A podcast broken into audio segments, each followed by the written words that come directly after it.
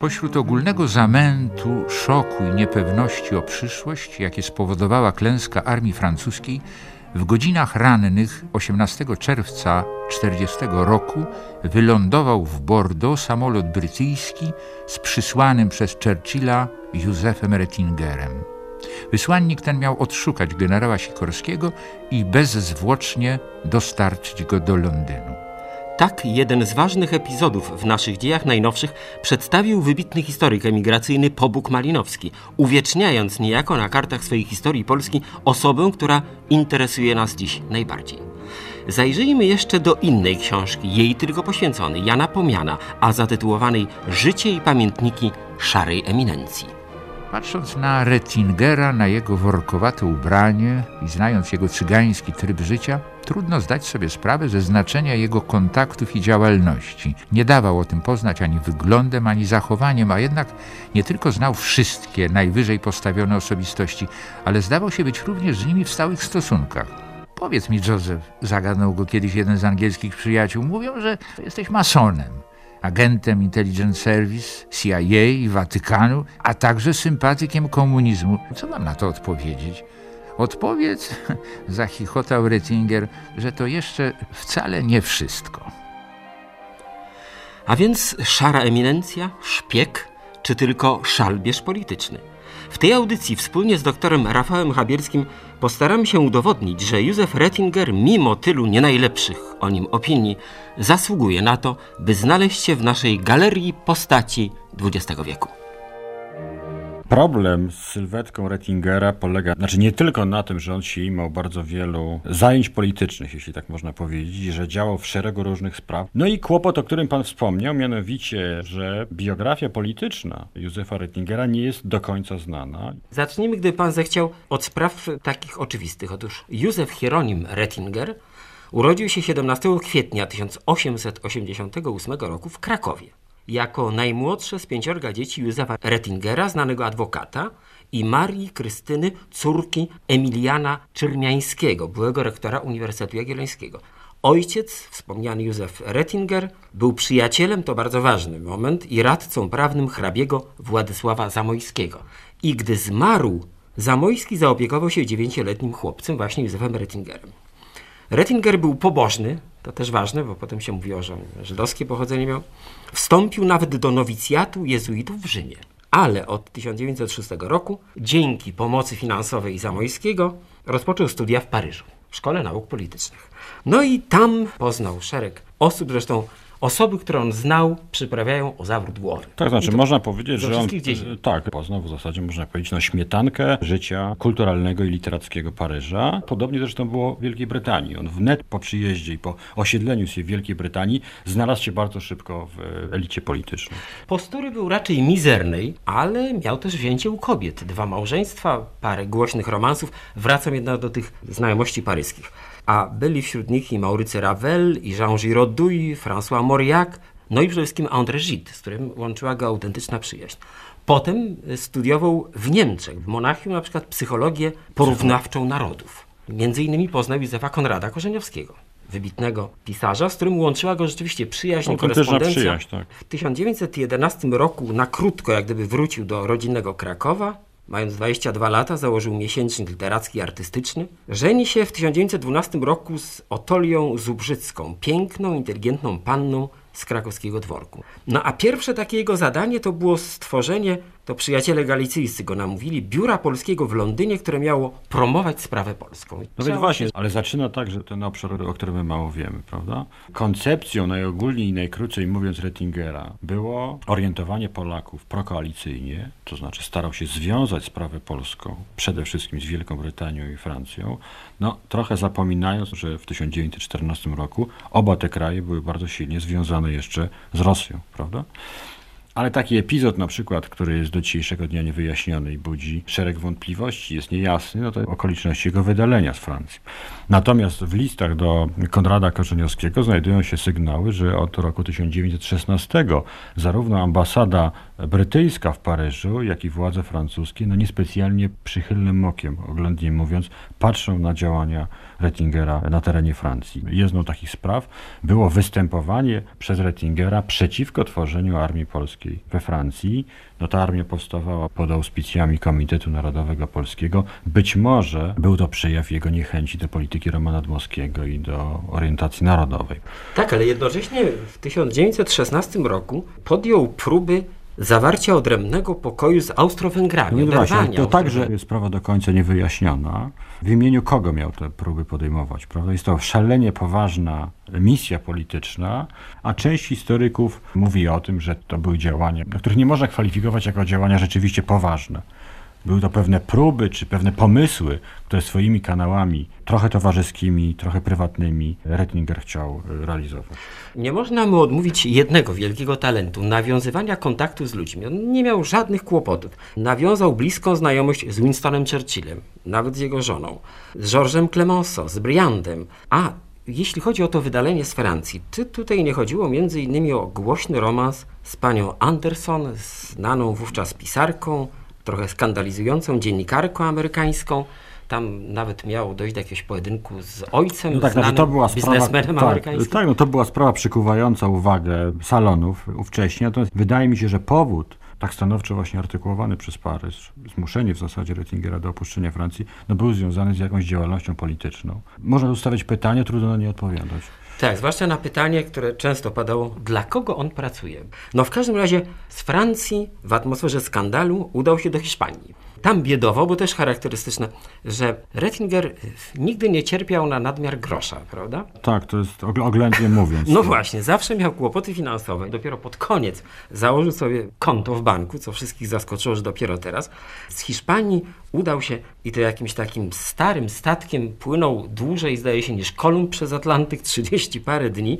Najpierw na Kubie wylądował, y, potem do Meksyku i z tym krajem był związany przez wiele lat, od 1919 do 26 roku, to znaczy 11-krotnie przybywał do Meksyku. Tam się rodziło wtedy nowoczesne państwo meksykańskie. Zresztą był tą sytuacją zafascynowany, bo wielokrotnie o tym mówi i uważał, że jego taka pierwsza poważna przygoda, prawda, to wydarzenie zrobiło na nim duże wrażenie, to co to, to zaobserwował w Meksyku. No, zaangażował się także w jakieś sprawy normowania stosunków meksykańsko-amerykańskich przecież. On przekroczył granicę meksykańsko-amerykańską, został uwięziony. Albo nielegalnie to Nielegalnie, tak, przebywał blisko dwa miesiące w areszcie, ale ja mam poczucie, że jeśli byśmy chcieli właśnie odpowiedzieć sobie na pytanie, z jakimi intencjami Rettinger udaje się do Meksyku, no, reprezentowania interesów jakiegoś kraju, prawda, no powiedzmy to, bo do tej pory żeśmy o tym nie mówili, że jest uznawany powszechnie za agenta brytyjskiego, prawda? Chciałbym o tym powiedzieć przy jego kontaktach z generałem Sikorskim, do których dojdziemy. Ale y, też nie wiemy dokładnie, czy rzeczywiście jakieś y, interesy brytyjskie reprezentował, choć mi się wydaje, że to jest bardziej spekulacja, czy też pojechał tam, bo nie ulega wątpliwości, trzeba o tym powiedzieć, że Rettinger był człowiekiem lubiącym przygodę. Pojmował życie jako czynny sposób spędzania czasu. No, wydawało mu się, że Meksyk jest tutaj czymś niesłychanie atrakcyjnym, prawda? No był w każdym razie doradcą kilku przynajmniej rządów, bo tam często się rządy zmieniały w Meksyku. Był doradcą związków zawodowych. Napisał nawet książkę o systemie własności ziemi i o rolnictwie meksykańskim. Tu był związany rzeczywiście z tym radykalnym ruchem, między innymi związkowym, chociaż nigdy nie należał do żadnego związku zawodowego. I nawet, to taki szczegół, jeszcze w 1945 roku, po wojnie, kiedy odbywał się w Europie Światowy Kongres Związków Zawodowych, to on reprezentował Związek Meksykański. Ale przejdźmy właśnie do tego spotkania z Sikorskim. Znaczy, spotkał się z generałem Sikorskim po raz pierwszy w Szwajcarii w 1916 roku. Potem spotykał się z nim jako premierem w 1923 roku, to widocznie z tego Meksyku. Czasem przylatywał do Polski. Znowu pytania, za No czyje właśnie, pieniądze. Podobno był Polsce w roku 1916 też z misją niespecjalnie jasną. Natomiast nie ulega wątpliwości, że kontakty z Sikorskim miał i to wszystko wskazuje na to, że mm, oni poznali się w czasie I wojny światowej, ale te kontakty o charakterze politycznym stały się bliższe od, od lat 30. To Ale znaczy- jeszcze, żeby skomplikować sytuację, jednocześnie utrzymywał bliskie kontakty z PPS-em. Przedtem zresztą w związku ze sprawą meksykańską z lejburzystami brytyjskimi. Wtedy poznał Ernesta Bewina, późniejszego ministra spraw zagranicznych, przedtem działacza związkowego. A jeśli chodzi o te kontakty z PPS-em, no to z Mieczysławem Niedziałkowskim uczestniczył nawet w zebraniach Centralnego Komitetu Wykonawczego, pisał do robotnika ówczesnego organu PPS-u, do wiadomości literackich, wydał książkę Polacy w cywilizacjach świata, rodzaj historycznego słownika. Tak, hagiograficzną, ale bardzo cenną. Polaków działających na emigracji na rzecz Polski. I teraz, wracając do Sikorskiego. Od 1935 roku, twierdzi Pomian, był właściwie jedną ze sprężyn rodzącego się frontu Morsz, czyli antypiłsudczykowskiego i krążył między Sikorskim, Korfantym a Witosem, żeby coś takiego z siedzibą w Szwajcarii stworzyć. Czy pan to też neguje? Znaczy ja myślę, że na pewno i to nie ulega wątpliwości, on odegrał pewną rolę, interesował się tym środowiskiem, zbliżył się w ogóle politycznie do tego środowiska, ale nie traktowałbym go jako czynnika, który odgrywa ważną rolę w budowaniu opozycji centroprawicowej, bo nic nie stało na przeszkodzie, żeby ci politycy sami to robili, zresztą efektem tych działań był front Morsz. Być może, ale w każdym razie po klęsce Polski we wrześniu 1939 roku Sikorski, kiedy zostaje premierem i naczelnym wodzem, wyzywa z Londynu Rattingera, prosząc go o współpracę. Zresztą tu taka mała anegdota. Pierwsze jego słowa Sikorskiego brzmiały Jakie pan ma długi, panie doktorze? A on odpowiadał, wystarczy pierwsza pensja pana premiera, żeby je zlikwidować. Nawiązanie kontaktów y, przez Sikorskiego z Rettingerem jest dość jasne i, i myślę, że tutaj nie ma tajemnicy. Kontakty polsko-brytyjskie przed wojną nie były kontaktami ścisłymi. To znaczy Wielka Brytania nie była specjalnie znanym krajem, angielski to nie był język w Polsce znany. Oczywiście, że generał Sikorski dysponował ambasadą, którą kierował ambasador Raczyński, ale chciał mieć także osobę, która kontaktowałaby go z Londynem. No nic nie zapowiadało jeszcze klęski Francji, ale Wielka Brytania była drugim oprócz Francji znaczącym sojusznikiem Polski. I mi się wydaje, że to zdecydowało, no bo potem rola Rettingera zmienia się, jego rola rośnie, choć charakter kontaktów z Sikorskim jest bardzo podobny. No właśnie, a jak to było teraz ze sprowadzeniem generała Sikorskiego z Francji w przededniu klęski armii francuskiej? Cat Mackiewicz dość złośliwie pisze, że po prostu Rettinger przywiózł Sikorskiego Churchillowi i to z pewnym prezentem w postaci memoriału na temat próby dogadania się tak. z Moskwą. Tak, to też nie jest nie tak. To znaczy, no nie ulega wątpliwości, że to nie Rettinger wystąpił z intencją zaproszenia, prawda? Churchill osobiście zwrócił się do generała Sikorskiego z sugestią. To zaproszenie było wystosowane także przecież do prezydenta, do Władysława Raczkiewicza. Zwrócił się z zaproszeniem ich do Wielkiej Brytanii. Więc Rettinger zjawia się we Francji, pełni tutaj funkcję usługową, właśnie taką, na jaką zwracamy uwagę, na pewnego łącznika pomiędzy rządem polskim a władzami brytyjskimi. Prawda? A ów memoriał, z którym przyjechał No tak, a, a memoriał to jest rzecz troszeczkę późniejsza, prawda? Ale wszystko wskazuje na to, że był raczej intencją generała Sikorskiego, który chciał za wszelką cenę po stracie armii polskiej we Francji no, budować siły zbrojne i, i tutaj rezerwor sił widział w Rosji. A oto jak wyprawę po generała Sikorskiego do Bordeaux wspominał sam Rettinger. Na lotnisku panował chaos, nikt nic nie wiedział, nie było też mowy o żadnym transporcie. Szczęśliwym trafem spotkałem pułkownika Iżyckiego i wspólnie przekupiliśmy francuskiego szofera, by wziął mnie do miasta. W mieście widok okropny, bałagan, panika przed ambasadą brytyjską. Szukam konsula polskiego. Był to starszy człowiek, wykrzykujący, że obchodzi go własne życie, a nie jakiś polski premier. Wybuchła kłótnia, co przywołało kogoś, kto poznał mój głos. Był to Aleksander Moll, od którego dowiedziałem się, że Sikorski przypuszczalnie jest w nieodległym Liborn. Drogi tarasowali uchodźcy, czas naglił, w miasteczku jak wszędzie panika. Wreszcie jakiś zaczepiony na ulicy Polak mówi, że generał zatrzymał się w miejscowej podprefekturze. Bez zapowiedzi wszedłem do jego pokoju. Był sam, a gdy mnie ujrzał, nie mógł wierzyć własnym oczom. Spytał, co tu robię, a ponieważ była pora mniej więcej obiadowa, więc odrzekłem, przyjechałem z Londynu, żeby zjeść z panem generałem obiad.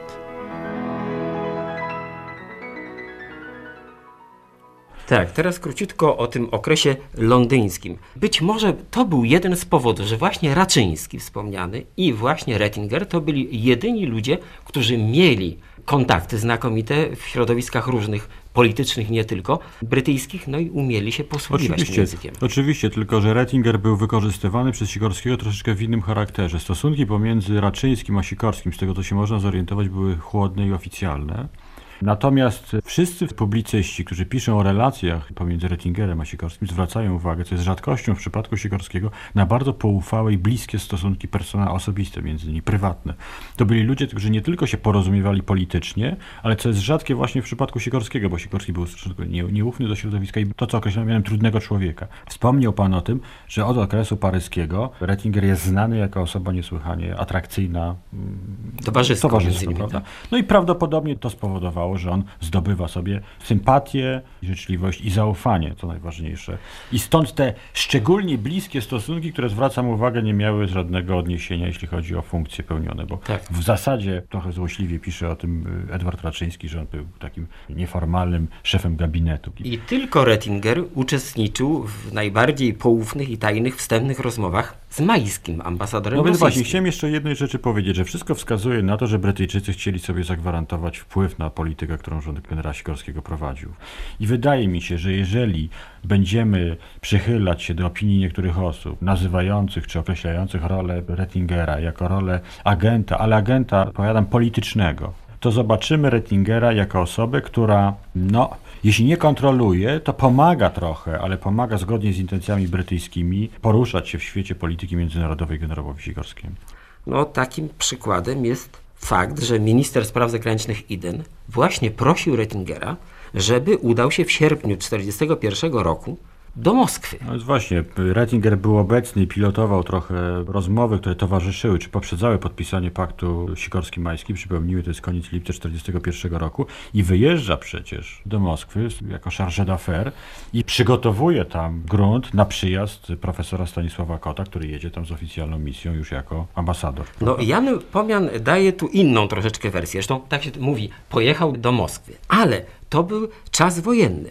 On leciał hydroplanem nisko, żeby nie zastrzeliły działa niemieckie, przez Archangielsk. Tam ten hydroplan lądował na falach Dźwiny i potem przybywa do Moskwy. Pan powiedział Charge d'Affaires, ale to nie było takie jasne. On jechał jako taki wysłannik Sikorskiego, bo oczywiście z Sikorskim się przedtem porozumiał. Pojechał specjalnie do Szkocji, gdzie był wtedy Sikorski na inspekcji wojsk polskich i oczywiście rozmawiali na temat jego misji, ale tam na lotnisku moskiewskim, ku zaskoczeniu Rettingera, przynajmniej jak wynika z jego pamiętników, na powitanie hymn obecny ambasador brytyjski Cripps no i okazuje się, że go traktowano jako charge d'affaires, chociaż on nigdy takiej no tak, znaczy, był, tra był traktowany jako przedstawiciel no, oficjalny, prawda? I zresztą odegrał dużą rolę, bo też trzeba tutaj powiedzieć, że on musiał wypełnić funkcję no, taką bardzo podstawową, mianowicie zdać trochę generałowi Sikorskiemu sprawozdanie z tego, jakie są nastroje, jak w ogóle jaka jest sytuacja, prawda? Tak. Te... Miał przyjechać na parę dni, ale był tam zdaje się dwa miesiące i czynnie uczestniczył w realizacji układu. Sikorski-Majski chodziło o zwalnianie z obozu. No, tak, znaczy, miał już precyzować relacje wojskowe polsko-radzieckie, no i stała się w ogóle podstawą tworzenia armii. Nic więc dziwnego, że pod koniec października 1941 roku towarzyszył Sikorskiemu w jego pierwszej podróży przez Tobruk, Baku, do Kujbyszewa, gdzie wtedy przebywała ambasada polska z kotem na czele. Nie pojechał do Moskwy na spotkanie Sikorski-Stalin, ale przygotowywał angielską wersję tekstu wystąpienia Sikorskiego w Radiu Moskiewskim. Towarzyszył Sikorskiemu także w wyprawach do Stanów Zjednoczonych, nie towarzyszył tylko w jednej. No właśnie, tak. To, o czym pan wspomina, jest argumentem często nieformalnie używanym przez publicystów i przez autorów wspomnień, którzy właśnie wskazują na rolę, jakoby rolę agenturalną, zakładając, że to Brytyjczycy, bo powiedzmy, że ta podróż, której nie towarzyszył Sikorskiemu, to jest podróż bliskowschodnia, której etapem była podróż z Gibraltaru do Londynu. Właściwie nie rozpoczęto nawet. No więc to jest argument przemawiający jakoby za tezą, że Bettinger był agentem brytyjskim, a zarazem, że to Brytyjczycy zdecydowali o tym, znaczy dokonali zamachu na generała Sikorskiego, choć nie wydaje mi się to prawdopodobne. W każdym razie Rettinger 5 lipca 1943 roku oczekiwał w porcie lotniczym na przylot samolotu z generałem Sikorskim. Tam doszła do niego ta straszna wieść i zaproszenie Churchilla. O północy, po posiedzeniu gabinetu, w sali pełnej jeszcze dymu od cygar, przyjął go Churchill i płakał w jego obecności, wspominając Sikorskiego i dramat, który się wydarzył w Gibraltarze. Tak, te świadectwa, którymi dysponujemy, jednoznacznie wskazują na to, że nie tylko dla Churchilla, ale dla Lettingera także śmierć Sikorskiego była bardzo dużym przeżyciem. I proszę zwrócić uwagę, że w zasadzie on dalej po lipcu 1943 roku no, pełni podobne funkcje, stara się pomagać sprawie Polski, jakoś pilotować, jest zresztą orędownikiem objęcia funkcji premiera przez Mikołajczyka, natomiast jego związki z rządem a zwłaszcza jego związki z Mikołajczykiem są zupełnie nieporównywalne ze związkami, które go łączyły z generałem Sikorskim. Tak, tak. Ale tym niemniej właśnie Mikołajczykowi Rettinger oferuje swoje usługi u progu 1944 roku, roku wielkich rozstrzygnień, do których właściwie polska emigracja nie była przygotowana. Armia radziecka już się zbliżała do dawnych granic Rzeczypospolitej, a właściwie nic nie było załatwione. Stosunki były zerwane po ujawnieniu zbrodni katyńskiej i oto Rettinger, 56-letni człowiek nie mający żadnych właściwie formalnych funkcji, załatwiwszy sobie transport sam, sobie znanymi drogami w dowództwie wojsk brytyjskich, udaje się do Bari, żeby stamtąd polecić i być zrzuconym na teren Polski. Tak. Dodajmy, że ta misja jest utrzymana w niesłychanej tajemnicy, tak daleko idącej, że na terenie bazy lotniczej przed startem Rettinger chodził w masce na twarzy, obawiając się, albo wywiad brytyjski, który pomaga mu w organizacji tej eskapady, uważał, że może zostać zdekonspirowany. Dopiero w samolocie i to jakiś czas po starcie on zdecydował się tą maskę zdjąć. I rzeczywiście ogromna determinacja, odwaga. Proponowano mu jakiś trening taki specjalistyczny, przy czym instruktor brytyjski, który zobaczył, że ma przed sobą osobę o nie najlepszym stanie zdrowia, zdrowia 56-letniego pana, powiedział, że lepiej, żeby on pierwszy skok wykonał ten prawdziwy, bo jeżeli on, coś mu się stanie, czy złamie nogę, czy ponaciąga sobie mięśnie, to nie będzie mógł wykonać tej ważnej misji. Więc bez żadnego przygotowania po raz pierwszy w życiu Rettinger skacze ze spadochronem do Polski, no i wypełnia misję, która też zresztą jest misją do końca niejasną, to znaczy nie do końca wiemy, jakie były intencje i czy była to misja bardziej zlecona przez władze brytyjskie, czy też to była misja polska. Nie ulega wątpliwości, że ma kontakty z przywódcami podziemia politycznego i wojskowego w Polsce, podziemia londyńskiego. Natomiast intencje, dla których jedzie i cele, które sobie stawiał, są nie do końca jasne. No, spotkał się na pewno z wicepremierem Jankowskim, delegatem rządu, Borem Komorowskim, y, Korbońskim. Zresztą ta podróż też była z ogromnymi przygodami, bo ja powiedziałem styczeń 44 rok, kiedy on się pojawił w Bari, ale czekał aż do kwietnia na dobrą pogodę i na możliwość y, lotu. I to samo było w Polsce. Potem były kłopoty z zabraniem go z Odwlekanie tak zwanym mostem powietrznym wracał tak do Polski. tak. Zresztą leciał razem z późniejszym premierem Tomaszem Arciszewskim ze strasznymi kłopotami. Pogorszył się zresztą stan zdrowia jego w czasie tej podróży i ten okres e, końca wojny z tego względu właśnie ze względu na chorobę jest taki trochę mniej aktywny w jego działalności politycznej. W zasadzie zaczyna czy odbudowuje tę aktywność w 1946 roku. A wracając jeszcze do tej głębokiej konspiracji w Bari, to też ciekawy moment. Już w Warszawie, też oczywiście ściśle zakonspirowany, kiedy szedł Nowym Światem, nagle słyszy tubalny głos Janusza Minkiewicza. Reking, tak, co ty tak, tu tak, robisz? Tak. Więc oczywiście... Poznali go w Warszawie znajomi, poznali go, jak wspomina, no nie wiemy, czy to jest prawda, ale nie mamy tutaj powodu nie wierzyć, także kelnerzy w kilku restauracjach warszawskich. A, tak, tak, że popijał wódkę wodą. Tak. Zresztą podobno mm, na jego tropie było gestapo i trwały poszukiwania jego i Niemcy mieli wiedzieć o tym, że Rettinger został zrzucony na teren Polski zaraz po jego skoku do Polski w kwietniu. A czy to prawda, że były jakieś próby zamachu ze strony naszego podziemia Akowskiego? No znaczy, no, to jest do końca niejasne, prawda? Bo problem Rettingera wtedy polegał na tym, że do końca nie bardzo było wiadomo, jakie są motywy działania. I mówiąc tak trywialnie, dla kogo Rettinger pracuje, prawda? Tym pojęciem, którym najczęściej operowano, ale mi się wydaje, że ono jest zbyt uproszczone, właśnie, że on reprezentował interesy brytyjskie, że był agentem brytyjskim, ale przecież oddał ogromne usługi także generałowi Sikorskiemu, no i potem Mikołajczyk nie bardzo chciał z tego skorzystać. Z drugiej strony wiemy o tym, że wywiad brytyjski do końca II wojny światowej uchodził za najlepszy wywiad na świecie, prawda? Więc można powątpiewać, czy posługiwałby się człowiekiem uchodzącym za agenta, prawda? No bo to nie jest... Tak, to nie tak. jest to... Pozostaje ostatni rozdział jego działalności i to wcale nie bagatelny. Mianowicie okres, w którym zwrócił się ku szerszym horyzontom, znaczy zaczął realizować swoją ideę zjednoczenia Europy. Właśnie Rettinger i Raczyński byli motorami tak powiem, współpracy i rozmów ówczesnej emigracji, nie tylko Polski. Już się wtedy myślało o federacji. Przykładem powstanie takiej Unii Polsko-Czechosłowackiej, w której Rettinger też maczał swoje ręce. Tam on się zaprzyjaźnił z wybitnym politykiem belgijskim, Polem Henri Spakiem, twórcą później Beneluxu. I właśnie tam odbywały się regularne spotkania przedstawicieli rządów Belgii, Holandii, Luksemburga, Norwegii, Grecji, Jugosławii, Czechosłowacji i Polski oczywiście na temat kształtu Europy. To ważny chyba element. Nie ulega wątpliwości, że on tutaj odgrywa dużą rolę.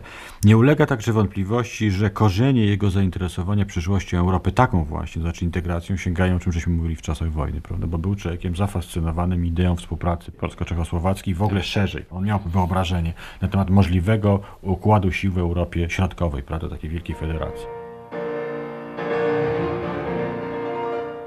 Ze wspomnień Rettingera dotyczących początkowych prób integracji europejskiej.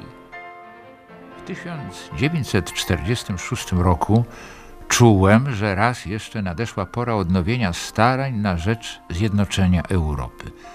Zrobiłem pierwszy krok wygłaszając 7 maja referat w Królewskim Instytucie Spraw Zagranicznych w Chatham House pod tytułem Kontynent Europejski.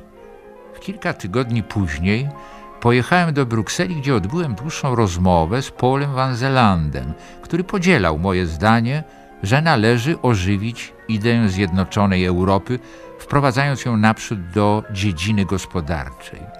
Utworzyliśmy więc niezależną ligę współpracy ekonomicznej.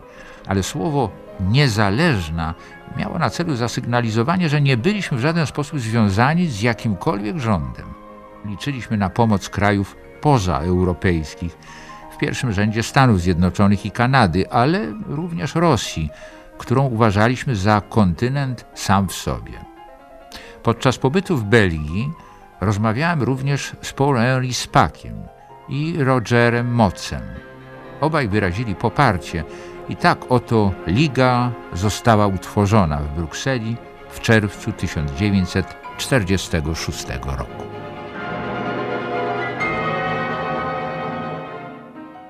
Jeździł w tych sprawach do Stanów Zjednoczonych. Z Nelsonem i Davidem Rockefellerem się spotykał, Morganem, Dallesem, Johnem Fosterem, późniejszym sekretarzem stanu powstała Unia Federalistów. Wreszcie w 1948 roku to słynne spotkanie w Hadze Europejczyków. I oczywiście Rettinger jest jednym z organizatorów. Nikt tego chyba nie może tak, kwestionować. To oczywiście w końcu lat 40. zasługuje niewątpliwie na miano osoby, która jest jednym z architektów tego przekonania, że wielką szansą dla Europy jest szansa integracyjna, prawda? Choć była to wówczas idea niespecjalnie popularna w elitach politycznych, nawet już nie mówiąc o społeczeństwie, Rettinger nie był osobą powszechnie znaną, są znaną w elitach politycznych brytyjskich, ale nie był powszechnie znaną, skąd jego rola tutaj. Zresztą to jest typ jego działania, prawda? To jest trochę działanie zakulisowe, działanie organizacyjne, wykorzystywanie swojego uroku osobistego, swoich znajomości politycznych, ale nie ulega wątpliwości, że on tutaj bardzo dużą rolę odgrywa. No właśnie, nie zapominając o Polsce, bo cały czas myślał o przyszłości i chciał w różnej formie wciągnąć także kraje Europy Wschodniej. Do tej przyszłej Unii, paktu, czy do Stanów tak, Zjednoczonych tak, Europy. Mały, mało znany fragment jego działań to są jego kontakty z emigracją. Animował, z tego co wiadomo, Polaków, którzy nie byli tym specjalnie zainteresowani, prawda? Polska emigracja polityczna koncentrowała się wyłącznie na tym, co się dzieje w kraju i sprawa przyszłości Europy, jedności tego kontynentu, Stanów Zjednoczonych Europy niespecjalnie ich interesowała. I tutaj rola, którą trzeba podkreślić także w zainteresowaniu, w stymulowaniu Polaków tym problemem. Można wymienić tylko dwa nazwiska właśnie Rettingera i Edwarda Raczyńskiego jako tych, którzy po roku 1945 poczynili pewne działania. Prawda? No, I to bardzo konkretne, bo jeszcze nie wspomnieliśmy, że Rettinger trzykrotnie o dziwo był w Polsce już po wyzwoleniu. Tak, w znaczy... 45 dwukrotnie i raz w 46, kiedy organizował pomoc brytyjską dla Polski, tam między innymi na przykład gotowe mosty przywieziono dla Torunia tak, i Szczecinie. Szczecina. właśnie. No właśnie. To jest zresztą typowy przykład także jego, jego działań, że uznał, że Wielka Brytania dysponująca zapasami wojskowymi nie ma co z tym zrobić i że byłoby bardzo dobrze, gdyby ona przekazała to Polsce. Jego zasługą jest między innymi to, że Wielka Brytania przekazała to bezpłatnie. Więc on się tutaj angażuje no w imieniu nikogo, prawda, bo zawsze go podejrzewam o to, że on z jakimś niejasnym celem. Prawda? Tutaj nie działał ani w imieniu rządu na emigracji, ani w imieniu rządu brytyjskiego. Uważał, że jest to pewna szansa i uznał, że w ten sposób Polsce można pomóc. A więc agent, szara eminencja, czy po prostu Polak, Inter, interesu, interesujący człowiek, ja bym powiedział interesujący człowiek, który niekonwencjonalnie działał, ja myślę, prawda? On się wymykał takim stereotypowym określeniom i zaszufladkowaniu, stąd no, dużo niechętnych opinii na jego temat, na które chyba nie zasługiwał. Od 57 roku ciężko chory, 12 czerwca 60 roku umiera. Czas najwyższy, żeby ukazała się jego uczciwa biografia. No, nie ulega wątpliwości, tylko to jest zadanie szalenie trudne.